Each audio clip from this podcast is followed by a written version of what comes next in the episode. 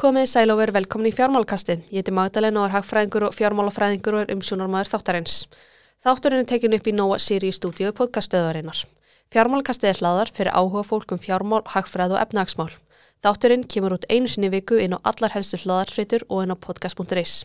Í dag hefur fengið inga til mín hann Helgu Valfells en hún er framkvæmdastjóri Króberi Capital.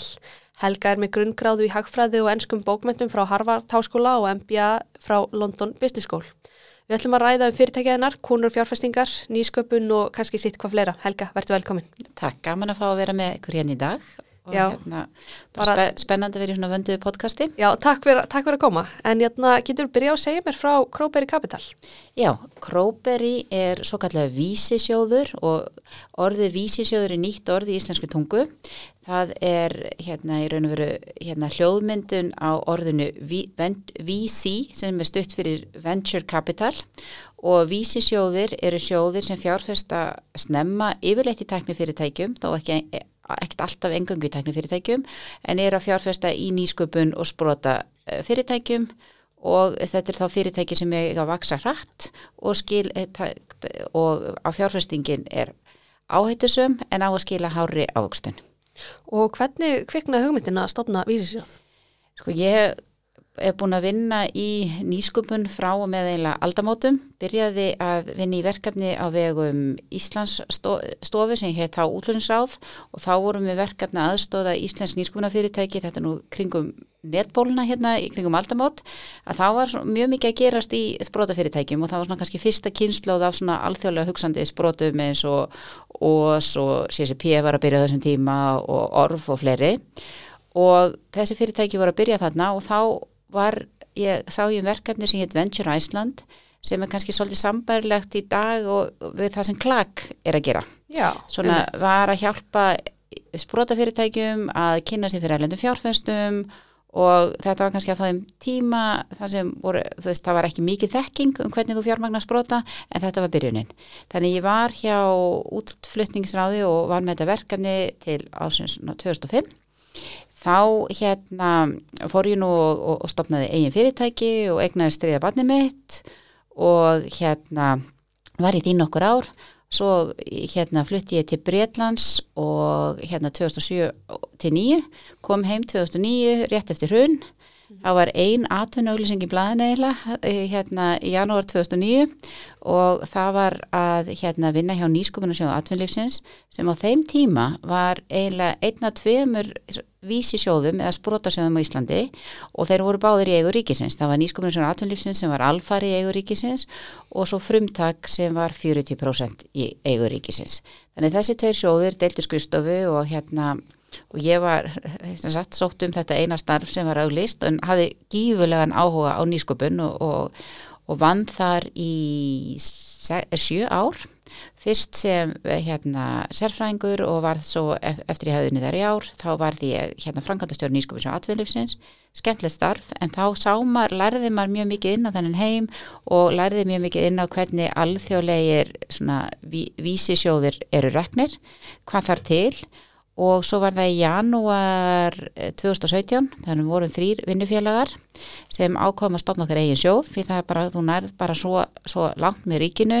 Og það sem gerðist frá orðinu 2015 þá komu fleiri engarekni sjóðir og þá fannst manni að ríkin ætti ekki verið að fjárfesta í samkjæfni við þessu engarekni sjóði, heldur ætti maður að og við ákvæðum þá frekar að reyna að stopna okkar eigin sjóð og gáðum okkur sex mánuði í þá vegferð og bara byrjuðum eins og allir brotar, við hættum í vinnunni, fengum lítið bakherbyggi lána þar sem við unnum fyrstu, fyrstu mánuðina, svo þurfti fyrirtæki sem lána okkur bakherbyggið að nota bakherbyggið, þá fórum við reyndar í þjóðabókluðina, mm. þannig við gerðum þetta mjög svona lín og vorum að taka að okkur önnur verkefni með vorum að hérna fara á stað með kropperi, en hérna En þetta var svona svolítið skemmtileg eh, sprótasæði sex mánuði, vorum þrjásum stofnið þetta saman og mjög heppin að hafa frábæra meðstofnendur. Það er Hekla Arnardóttir og Jenny Rutt Hrapsdóttir. Það eru báða verkfræðingar og hafa báða, báða mikla reynslu í teknikerunum. Ég hafi kannski unni líka svolítið í fjármálageranum þannig að við vorum svona góð blanda höfum unni saman hjá nýskumunasjóð og ákvaðum að gera þetta saman og bara besta sem að gera þegar maður stofna eitthvað fyrirtæki er að hafa mjög góða meðstofnendur Einmitt. Og hérna hverjar hafa svona verið helstu áskorunar í þessu ferli? Uh, ég held að fyrsta áskorunum var bara ætlum að gera þetta og fara á stað. Og hér, en við trúðum alltaf að við myndum ná að stopna sjóð. Þannig að við fjármögnuðum fyrsta sjóðin og fengum fjármagn umsýslu um fjármagn frá lífyrirsjóðum þannig að það voru mjög tröstur og góði lífyrirsjóður sem eru okkar bakkerallar og við erum mjög þakklata fyrir það. Og síðan erum við að fjárfesta í nýskupunar og sportafyrirtækjum ég held að hérna, fyrsta áskorun var náttúrulega bara ná sama sjóð sem við gerðum í júli 2017 síðan var það náttúrulega bara að finna réttu fyrirtækin, máta sig fyrirtækin við okkar fjárfæstingastefnu og það er náttúrulega alltaf áskorun og svo reynum við bara að vinna með fyrirtækjunum, nú erum við búin að fjárfæsta, búin að stopna tvo sjóði, við erum komin að sjóð nummið tvö sem við kynntum fyrir ári síðan og hann er í Evrum og með Erlenda fjárfæsta en hérna fyrstu sjóðun er í íslenskum krónum og, og bara með íslenskum fjárfæstum en að það er að finna réttu fjárfæstingatækifærin, vinna vel með þessum fjárfæstingatækifærum og auðvitað koma áskoranir eins og við vorum í ferðartækni fyrirtæki sem heit Travelate sem við lokum endilega í COVID vegna þess að þú veist að vera nýtt ferðartækni fyrirtæki mm. í COVID er, var ekki, ekki skynsalegt og bara og taka það ákverðun að loka fyrirtækinu ábyrgan hátt. Mm. Og hérna hvernig hefur Króperi vaksið síðan þið stopnuðu það? Já, við byrjum bara þrjár og með fyrsta sjóðum vorum við bara þrjár. Nú erum við orðin sjö, komið skrifstofi í Danmarku og eins og ég segi, búin að fara frá því að hafa, hafa ekkert fyrirtæki sem við fjárfæstum í, yfir það að við erum búin að fjárfæst í 22 fyrirtækjum og erum búin að selja okkur út úr einu fyrirtæki með mjög góðum hagnaði og þá gáttum við skilað aftur þeirri ávöxtun til okkar hlutafa, það var fyrirtæki Sling Inc. sem var selgt til stórs amerísks fyrirtæki sem heiti Toast og svo sæla gekk bara mjög vel þrátt fyrir erfiðar aðstæður á markaði svona í Q1 og Q2 á þessu ári. Síðan eins og ég segi við lokuðum einu fyrirtæki og svo eru bara voða gaman að segja frá því að hinn fyrirtæki sem við erum í hinn 20 eru bara að vaks og dafna og það hefur verið mjög gaman að fylgjast með vegferðinni frá því að það, við yfirleitt byrjum að vinna með fyrirtækjum að það er bara mjög lítið teimi svo sér maður að þau fara, fara að búa til vöru, fara að selja, selja vöruna, fá tekjur frá framhalsfjárfestingar og, og, og, og þetta er ofsalega skemmtileg vegferð. En auðvitað eru svona alls konar, maður sér það bara allir frumkvölar, alveg saman hvað vel gengur. Þeir standa uppi fyrir alls konar áskorunum, kannski enginn að þurfa að breyta vörunni sem hún seljist eh, þurfa að lækka laun þurfa stundum að segja fólki. Það eru mikið af erfiðum ákvarðunum en maður sér það líka að bestu frumkvölarnir þeir bara stíga öldurnar og einhvern veginn ná að halda áfram. Og það er mjög gaman að vinna með þannig fólki og mjög gefandi. og þetta stundum er maður með áhugir af fyrirtækjunum sem maður hefur fjárfæst í en veist, þetta er náttúrulega bara fyrirtæki það er enginn sem deyr þótt að fyrirtæki deyir þannig að það maður það líka muna það. En bara, við erum bara mjög hefnar og ávöxtunin á sjóðunum hinga til hefur verið mjög góð. Okkar sem sagt hérna við reik, reiknum þetta alltaf í yrri sem sagt hérna þannig að bæði, bæði tími og hérna hækkun og hlut koma saman. Þannig að við erum með er upp á 36% á eignarsafninu okkur að núna stundinu og vonandi helst það og hérna en svo náttúrulega er kostnæður sem fylgir þessu og þannig að fólk talar oft um grósir og nettir og nettirið er held ég núna 26%. Einmitt. Og er það svona einhver místök sem það er gert í þessu ferli, eitthvað svona sem þið hafa lært á, myndi ekki rauður þessi? Já, alveg öruglega, fyllt af místökum. Við hefum tekið fyllt af réttum ákverðum en líka gert hérna fullt af, það hafa verið fullt af áskorunum. Hérna sko það sem kannski er efst, kemur ef, efst í huga er kannski einhver fyrirtæki sem mann hefði langað til að fjárfæst í en náðum ekki fjárfæst í þannig að það, við kallum það okkar anti-portfóljó en hérna en það eru eitt og tvö fyrirtæki sem við mistum átækifærinu um, ég held líka það sem ég held að maður hefði kannski stundum eru áhættur sem eru svolítið augljósar og við erum alltaf við veitum í öllu, allir í nýskömbun eru áhættur og reyna að stýra þeim. En ef það er einhverja augljósar áhættur þá mögulega allt, maður horfir á fyrirtækinni upphafi og hugsa og maður þarf að svona kortleggja hvernig maður ætlar að stýra öllum áhættu þáttum því fylgja því. Og ef maður getur ekki kortlegta ef það er einhverja áhættur mann og yfirleitt er það bara eitthvað mannlegt að þá hérna svona hefði maður kannski ekki átt að fjárfesta. En í heildina séð höfum við sko bara verið mjög hefnum fjárfestingar, líka eitt sem við gerum, við erum að vinna mjög mikið með erlendum fjárfestum, við erum núna búin að fjárfesta fyrir um tæpa fjóra miljardar en aðrir eru búin að koma inn í sömu tækifæri með 11 miljardar og þetta er eiginlega upp til hópa erlendir fjárfestar, þannig að við erum búin að laða til landsins um 11 miljardar í beina erlenda fjárfestingu. Og þannig að þegar við fyrir minni fyrirtæki þá reynum við að fá kannski ellenda fjárfestir með er, og, manni, og það hefur virkað mjög vel vegna þess að það eru líka fagfjárfestar sem eru og er engin í heiminum nema þú vilt fjárfestinguru þá er yfirleitt eitthvað að. Þannig við reynum alltaf að fá með fjárfestar sem eru kannski af því markasvæði þar sem fyrirtæki ætla að vinna eða sérhaft í atvinnugreinin sem fyrirtæki ætlar að vinna til dæmis við erum í nokkur leikjafyrirtækjum og þeim gengur öllum vel en ég held að við myndum aldrei fara inn leikjafyrirtæki án þess að það var einhver sem þekkti við til dæmis væri sjóður úr leikjaðinaðinum þannig að til dæmis við höfum fórum inn í fyrirtækið Mainframe sem er gengið mjög vel og það fyrirtæki þar fórum við inn uppalega á samt tveimur finskun sjóðum sem eru báðir sérfræðingjar í leikjaðinaði síðan fekk eh, mainframe framhaldsfjárfestingu frá Andrísin Horowitz sem er eitt besti sjóður í Kísidal og, og Riot Game sem er leikafyrirtæki þannig að það var allt svona viðurkenning af því að fyrirtæki er að gera hlutinu rétt. Og hérna þannig að það skiptir okkur máli að það séu bæði með fjárfestar þegar við förum inn í fyrirtækin og svo líka fjárfestar sem eru tilbúinir að við kannski leiðum fyrstu fjárfestingu og svo er einhver erlendur fjárfestir eða einhver annar sem leiðir næstu fjárfestingu og þannig kemur nýtt vermat á fyrirtækið vegna að ef maður sjálfur sem vísisjóður að leiða alla fjárfestingar þá getur maður orðið ansi blindur af því maður yfirlegt er maður mjög hrifin að þeim verkefnum sem maður ákveður að fjárfesti í og það er mjög gott að fá utanakomandi aðhald. Einmitt. Og hvert stefnir Króperi Kapital? Króperi Kapital bara stefnir á það að vera sko, hérna, einna viðkendum sjóðum á Norðurlöndum og við erum og vera síts, góður sítsjóður á Norðurlöndum og okkur líður svolítið eins og við sem að náþangað, við erum orðin þekkt á Norðurlöndum, sérstaklega meðal hérna hvernfrumkvæla, við höfum ræktað uh, það landslag mjög mikið það bara vil svo til að við þrjá sem stopnum Krópir í Kapital, við erum alla konur og hvern frumkvölum finnst mjög gott að tala við okkur, þannig að við höfum notið sagt, þess á Norðurlöndum, fólk mann eftir okkur og við erum eins og ég sagði með skristof í Danmarku, við erum í sjóðu nummer eitt, þá fjárfestum við Ég raun og veru í hérna þremur fyrirtækjum á Norðurlöndum af 15 og í sjónum með tvö sem er mun starri sjóður, þar ætlum að fara í alltaf 30 fyrirtæki og helmingunum verður á Íslandi og helmingunum verður fyrir tækifæri á Norðurlöndum, þannig að það er alltaf mikið gróska líka í nýsköpun á Norðurlöndum. Mm -hmm.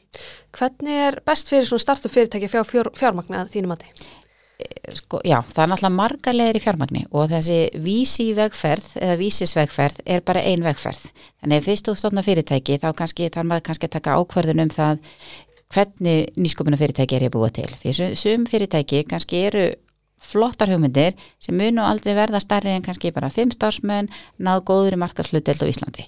Það er líka bara flott fyrirtæki og það er mjög gott, þú þekkir fyrir hægkerfi líka, við þurfum fullt að litlum fyrirtækjum og þá er best fyrir þau fyrirtæki að sækjum styrki eða fá lán eða sínt að þau fái tekjur mjög snemma eða fá kannski einhvern fjársterkar einstakling til að fjárfakka þau upp en síðan er þessu fyrirtæki og það er það sem vísisjóður er leitað, er þessu svona alþjóðafætt eða born global fyrirtæki sem alla stækka hratt á alþjóðamarkaði og bara sem betur fyrir fullt að þannig tækifærum á Íslandi og við Íslandingarum bara góða búið til þannig fyrirtæki og þú veist, þú veist CCP og Maril og Össur vísu veginn en nú er að koma önnu kynsla fyrirtækjum eins og Controlant og Meninga og, og Lucinity sem eru að vaksa mjög hratt á alþjóðamarkaði líka.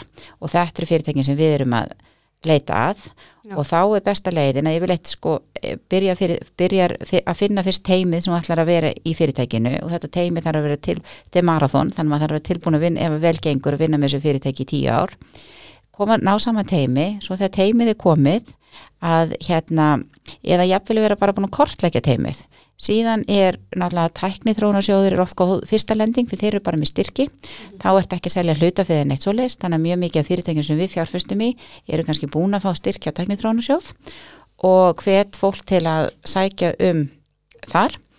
Síðan og svo eru ímsir aðri styrkir í uh, samfélaginu en þeir eru oft yfirleitt minni þannig að taknitrónarsjóðstyrkinir eru mjög góðir og fólk fer í gegnum svona nálaröga þar síðan kemur það og talar við vísisjóð og íslenski vísisjóður við erum, það er hansi margi núna á Íslandi það er Krópir í Kapital sem er svona okkar sérstæði svo að við erum erum að fjárfesta á þetta í Norðurlöndum, við erum mikið með alþjóðlegum fjárfestum og við fyrum mjög snemma inn í fyrirtækin.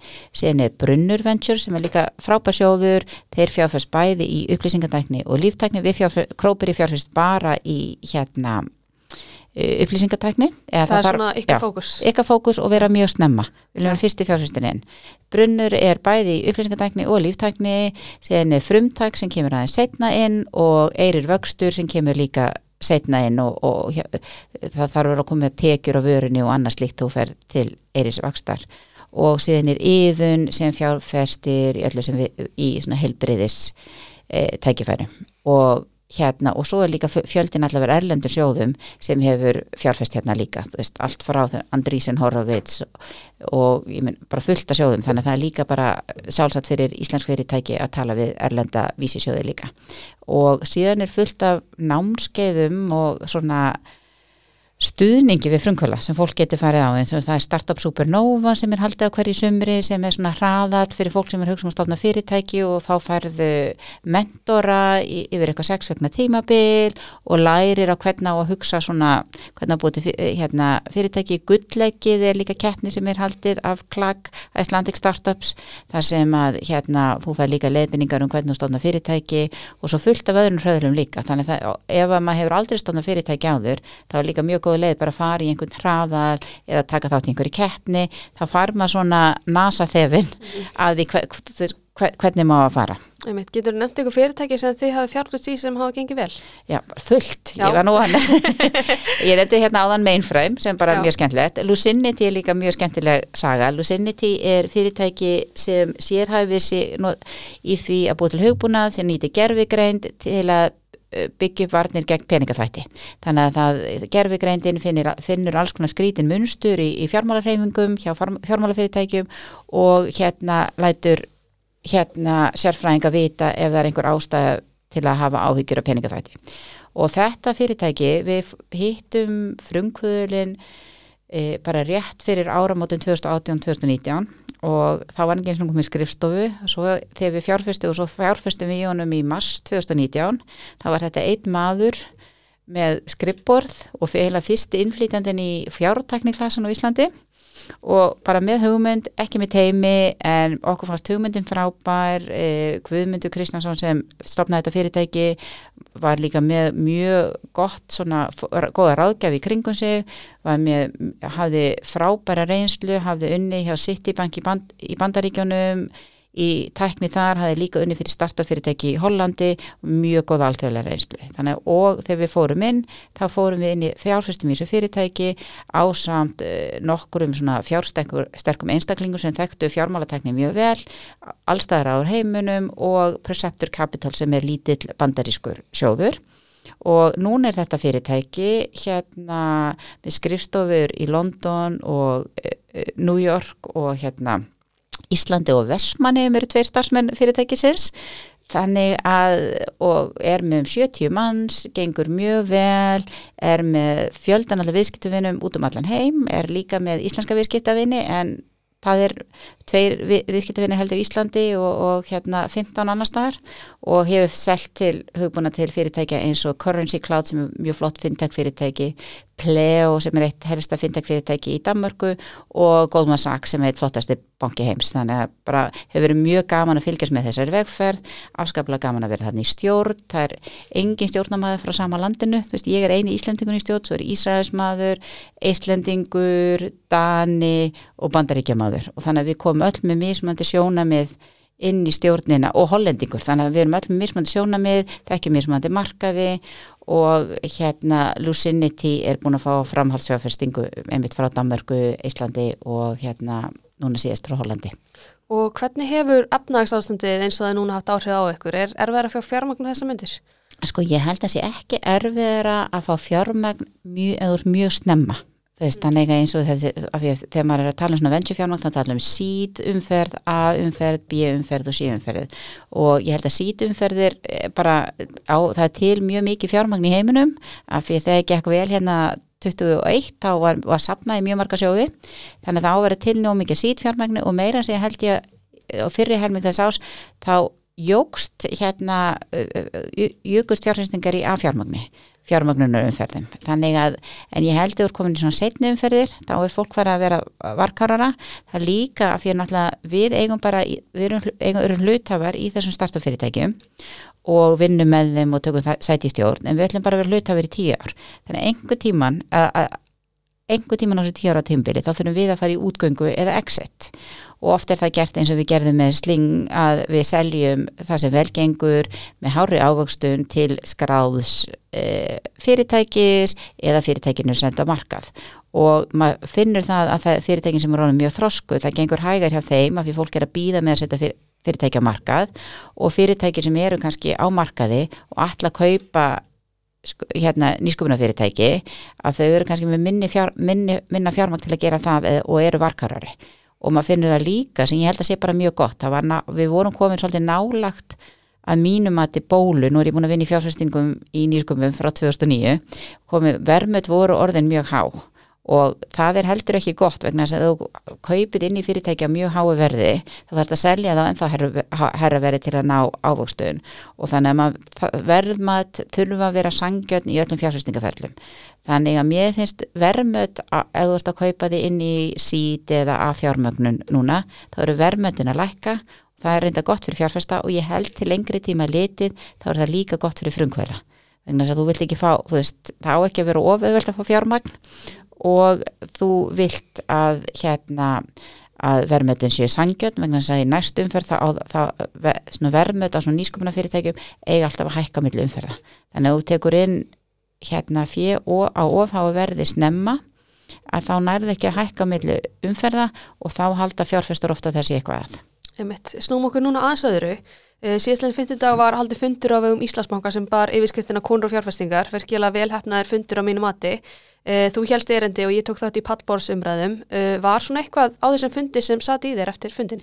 Mér fannst þetta bara mjög skemmtilegur fundur og þannig sem ég hafi mjög gaman að hlusta á ykkur í pattbórðinu og sá það að þeir voru á mismandi aldri og það var svolítið, mér fannst svolítið áhugavert að heyra hvað viðhorf til fjárfestinga hvenna eru svolítið misjöfn eftir aldri og ég held líka þetta lítið svolítið af því veist við sem hérna vorum að fjárfesta fyrir hrunn mm -hmm. eða þeir sem er að byrja að fjárfesta og kynntust sem betur fyrir ekki hruninu því að hlutið eins og íslenska fjármálarhrunni maður held að það er aldrei til, ég held að myndi aldrei vera bankar, gæti ekki vera hausin sérstaklega bankar sem væri með triple A rating sko þannig og vera með skuldabrið banka þótti ekki hættulegt hérna árið 2003 og en svo þannig ég held kannski að, að svolítið áhugavert að ég hugsa kannski líka mín kynslu liti svolítið, að því að við fórum í gegnum hrun á Íslandi og núna er komið kynslu á fjárfesta sem fór ekki í gegnum þetta hrun og þar vonandi aldrei að upplifa það. Mm -hmm. Emitt, emitt.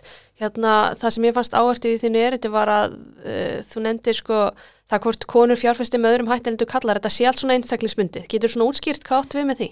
Já, ég bara sko það er ofta, náttúrulega það hallar á konur það kemur í fjárfæstingar í tækni. Og við hjá Króperi erum alltaf bara að leita bestu hugmyndunum og erum mjög stoltar af því að helmingurinn af fyrirtækjunum við okkar eignasafni eru með konu í stofnundahopnum og 40% fyrirtækina eru bó, bóstæðilega stofnuð af konum og í kringum þeirra hugmyndir. Þetta tekir mjög óvinnilegt. Í Evrópi er bara 1,8% af fjármagnu sem fyrir nýsköpun að fara til fyrirtækja sem eru stofnuð af konu og það hallar mjög mikið á konur. Þessi, þessi vísi fjárfestingar ha, hafa verið mjög lokaður heimur. Uppalega var þetta svolítið svona manni leiða alltaf eins og þetta væri einhverjir kallar að fjárfesta í yngru útgáfum að sjálfum sér og þannig að þú þurftir helst að vera frá Stanford, þú þurftir helst að búi í Kísildal og það var, og hérna ef þú vildi fá fjármang það þurftir að flytja til Kísildals. Heimun hefur breyst, þú getur stopnað fyrirtæki hvað sem er í heiminum, við erum orðið mjög vönd því að bara vinna út um allt og hérna, en það hallar samt ennþá mjög mikið á konum og konur og þetta bara þegar við fórum að skoða tölfræðina þá fannst okkur þetta mjög sláandi og við stopnum ekkert króperi sérstaklega til að fjárfæsti konum, við stopnum króperi til að fjárfæsti bestu tækifæranum Mhm. en svo þegar við höfum verið að ræða þetta við fólk og sagt sko, já, okkur er svona fáa konur sem fjárfæsti, já, þær komu eru svo áhættufælnar. Og þetta fer afskaplega mikið í taugarnar á mér.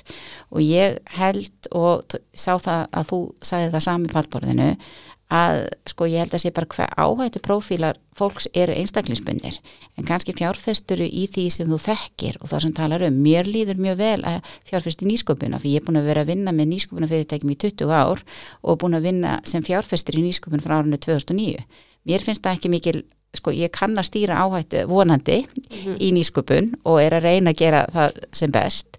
Þannig ég held að fólk kannski fjárfestur í því sem það svona þekkir en það ég held að hafa ekkert með kyn að gera. Og kannski hefur það bara verið að kallar hafa verið kyn- kynntir freka fyrir ákveðnum sko fjárfestingaflokkum frekar en konur. Og það er kannski þess vegna sem er einhver munur, ég bara veit það ekki.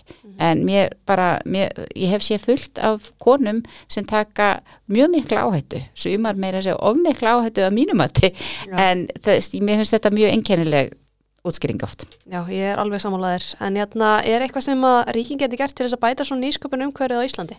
Sko, ég, það ríkið reyndar bara, sko, hefur bætt sér mjög mikið undanfærin ár. Fyrsta lagi held ég að ríkið á ekki vera fyrir. Þannig ég held að ríkið þurfi líka að horfa í eigin barm. Ríkið, hvaða stuðningur við nýskupun er góður og hvaða stuðningur er ekki góður. Ríkið lokaði nýskupuna miðstöð í, hérna, í, í fyrra. Og það var Þórtís Kolbrún sem hafði það, hafði það var svo nógu hugrögt til að loka ríkisfyrirtæki. Þegar nýsköpunum viðstöð opnaði þá var mikið þörf á henni.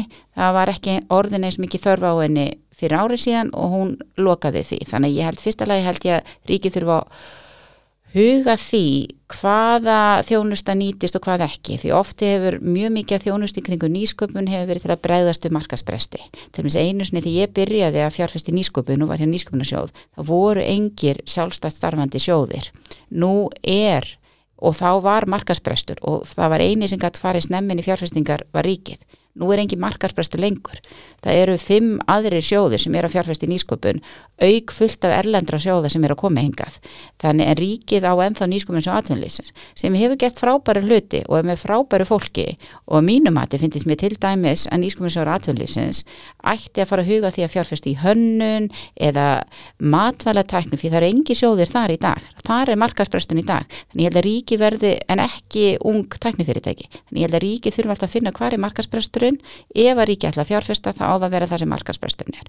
En mikilvægast það sem ríki er að gera, á að gera er bara að skapa hér sangjant og gott umhverfi. Nú veit ég það er í vinslu frumvarp um kauprétti, þegar þú ert með sprótafyrirtæki þá skipta kaupréttir alveg gífulega miklu máli, því sprótafyrirtæki geta ofta ekki borga hálaun en þeir eru tilbúinir að deila hlutafjö með starfsmönnum sem eru tilbúinir að vinna þrjú ári eða lengur hjá fyrirtækinu. Og þá þegar fyrirtækinu gengur vel þá geta allir hagnast á því. Og þetta er náttúrulega kerfi sem er svona búið til í bandaríkjónum en er komið út um allan heim. Þetta laðar fólk til nýskumuna fyrir utan það er líka rosalega gaman að vinna hjá nýskóra fyrirtæki og nú, það er verið að endur skoða frumvarp um hérna um hvernig svona kaupréttir eru skatlaðir og, og vonandi fer það í gegn. Það er eitt í þessu frumvarpi ef ég má lobbyra hérna Já, sem máli. rá- ránt er að til þess að þú hérna noti fullra skatt fullra réttinda sagt, og, og verðir skatlaði með fjármastekjuskatti ef þú ert í, í nýsköpunafyrirtæki þá þarf þetta eiga hlutabrinu tvö ár yfirleitt eiga starfsmenn nýsköpunafyrirtækin fyrirtækja hlutabrinu sem er enn tvö ár. En eins og ég sagði áðan það er, eru náttúrulega þessi sjóðir sem eru að fjárfæst í nýsköpunafyrirtækjum þeir eru að horfa það að selja fyrirtæki fyrir rest.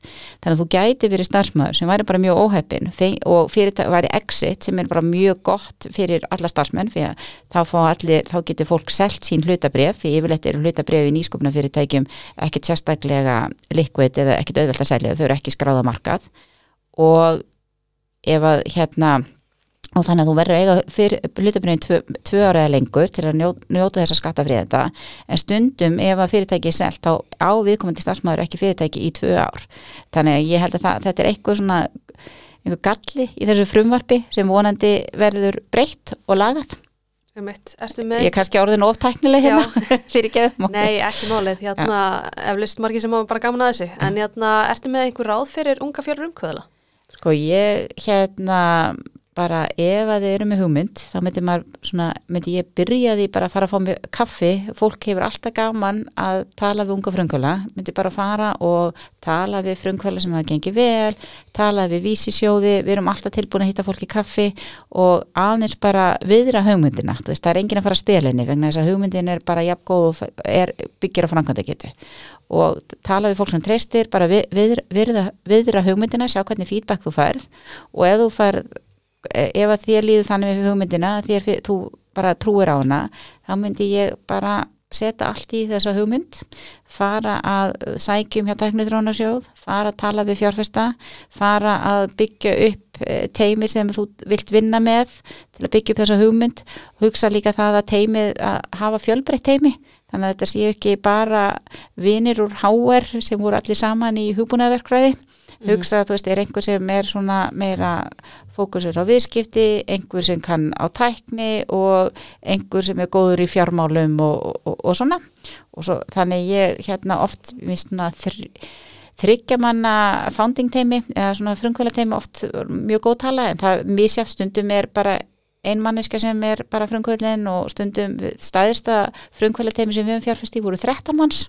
Okay. og þeim gengur mjög vel en það var mjög óvinnulegt Já Hérna, en að venju, þá endur við þáttinn á svona persónulegu nótum. Þú ert með grunnkræðu í hagfæraða ennskum bókmyndum frá Harvard. Hvernig var svo blanda fyrir valinu? Þetta er svona svolítið skemmtileg blanda. Já, bara, bara mér fannst það skemmtileg. Sko ég hérna, einlega, því ég fór út til bandaríkjana, ég var á öðlisviði í mentaskóla og bara var alin upp í þannig heimilið, það voru bara vísindi og vísindi og vísindi og það ekki tekið mikið, alltaf gaman af bókmöntum og hafa ekki tekið mikið samt af kursum í korki í félagsvísundum nýja hérna málvísundum þannig að ég maður kemur út á skólinn og Harvard sem er svona hérna með mjög fjölbreytt val og þá fór ég bara að velja alls konar kursa og byrjaði eins og ég segi í efnafræði og svo og fannst þú mjög skemmtileg en svo var ég bara með stóra ráhyggjur af því þetta er náttúrulega mjög langt síðan ég var þannig að þá var maður alltaf einhver fræðingur og ég, ég enda bara inn á einhverju tilraunastofu og ég var mjög léleg í verklæri efnafræði því ég er svolítið klöfi og var alltaf að brjóta svona pípettur og eitthvað svona. Þannig ég sá fyrir mér að ég myndi bara festast alveg inn á einhverju tilraunastofu og vera bara mölva pípettur. Þannig og fór þá að taka kursa í hagfræði fannst það mjög áhugavert en hérna og svo bara fór ég til skemmtun og hérna getur maður að fellja sér bækur og bara fengi eininga fyrir það. Og svo bara var ég komin á mikið einingum í hverju tveikja, það var erfitt að velja á milli. En hérna og þegar maður hugsa tilbaka að það var þetta svolítið góð blanda vegna þess að ennsku bókmyndin mér hafa kent mér að njóta bókmynda en það hafa líka kent mér bara að skrifa góða ennsku og auðvitað með að tjá mig í riti á ennsku og hagfræðin bara svolítið svona skilningur á heiminn en kannski praktískast það gráðan sem ég tók var MBA gráðan Já, hérna hvað finnst þið skemmtilegast að gera undan vinnu? Bara mjög margt. Ég, hérna, en kannski ekkert svona óhefbendið. Eh, maður minn og ég tókum upp að því fórum byrjum að vera rosalega duglega að ganga eins og halv íslenska þjóðin í COVID þannig að við reynum alltaf að fara í einhverja skemmtilega göngu á hverjum sunnudegi við komumst. Um, ég er í ballett fitness tvísari viku og hefur búin að vera því í mörg ár. Mér finnst það mjög gaman, það er bara mjög afstressandi og oft skemmtilegt fólk sem er um hann í því. Hérna og svo bara lesa og ferðast og fá fólk í mat og fara út að borða með öðrum og bara njóta lífsins Finnst þið gaman að ferðast? Mjög gaman, eiginlega of gaman. Hvað er svona skemmtilegsta borg sem hefur komið til? Úf, um, bara mjög margar. Ég held að hérna Ég held að Bónas Æris af þessu leiti, ég fór þangað því að ég var færtug og öllum að ferast um alltaf Argentínu og svo leiði okkur svo vel í Bónas Æris. Það var einhver svona fáin yfir borginni, frábær matur, indislegt fólk og þetta var á tíma, var ekki mikið ferðarfólki í hérna Argentínu á þessum tíma, það var svona einhver kreppa þar eitthvað svo leiðis og okkur var tekið svo vel, okkur var bóðið heim til fólk, svo allir tóku svo vel á mót okkur, okkur var bóðið enga dýragar, þetta var mjög skemmtileg upplifun, þannig að, að úr þeim ferðarlegum sem ég fer í þá er það borgin sem stendur upp úr Svo bjóð ég náttúrulega allt í allt nýja ári í London þannig að mér líður alltaf svolítið sem sér að koma heim því ég veit til London. Mm -hmm. Hérna, ef þú mærtir að mæla með einni bók fyrir hlustundi fjármálakassins, hvaða bók væri það? Ef, ef fólk er að hugsa um nýsköpun, þá held ég um og ég les mjög mikið af bókum um nýsköpun en ég held að bókin sem hefur haft mest áhrif á mig er og ég mæli með öllum sem alltaf fara að stofna fyrirtæki, fyrirtæki er hérna the hard thing about hard things, the hard thing about hard things og það er bara, þú veist, all, það er skrifað af hérna frungveli sem bara var með tvö mjög flott fyrirtæki en og sem horfið bara á leiða fe, fe, svona ferðarlæðið utanfrá þá var það eins og það hefði gengið mjög vel en hann svona er mjög opinn og skrifar um allar áskorunar og hvernig hann leistir þær. Þannig að maður veit að maður er búin að vinna í 50 fyrirtæki nýskupurafyrirtæki sem er búin að vinna með í gegnum árin. Og maður veit að alveg sama hversu vel gengur og hversu vel allt það flotta sem leistir blöðanum það eru alltaf áskoranir og það er hvernig fólk tekst á við áskorunar og kennst í gegnum þær. Það er það sem sko hérna skilur á milli þess hvort að uh, fyrirtæki gengur eða ekki Er eitthvað að lóku sem þú vil koma framfæri? Bara þakka fyrir mig og þetta flotta podcast sem voruð með. Ertu kannski með svona einhver eins og kom fram á fundinum svona, og við pallborunum voru bennar um að koma með svona ráðhanda ungum konum. Ertu með eitthvað svona ráðhanda ungum konum? Bara sko, bara það er hægt að gera allt, kannski ekki allt í einu og bara fylgja hjartanu og eh, finna tilgangin í því sem þið ætla að gera. Mér, fyrir mér er mjög mikil tilgangur í því að bæta Ísland nýskopinu um hverfi, komaði á næsta steg og, og vonandi að bara allir finni sinn tilgang. Helga, þakka kærlega fyrir komuna. Fjármálkasti verður ekki lengri í dag en ég vil þakka ykkur kærlega fyrir hlustuninu og minni á Instagram og Facebook síðu fjármálkastins þar sem allar upplýsingar um nýjustu þættina kom inn. Nýr þáttu kemur svo í næstu viku, þanga til verið sæl.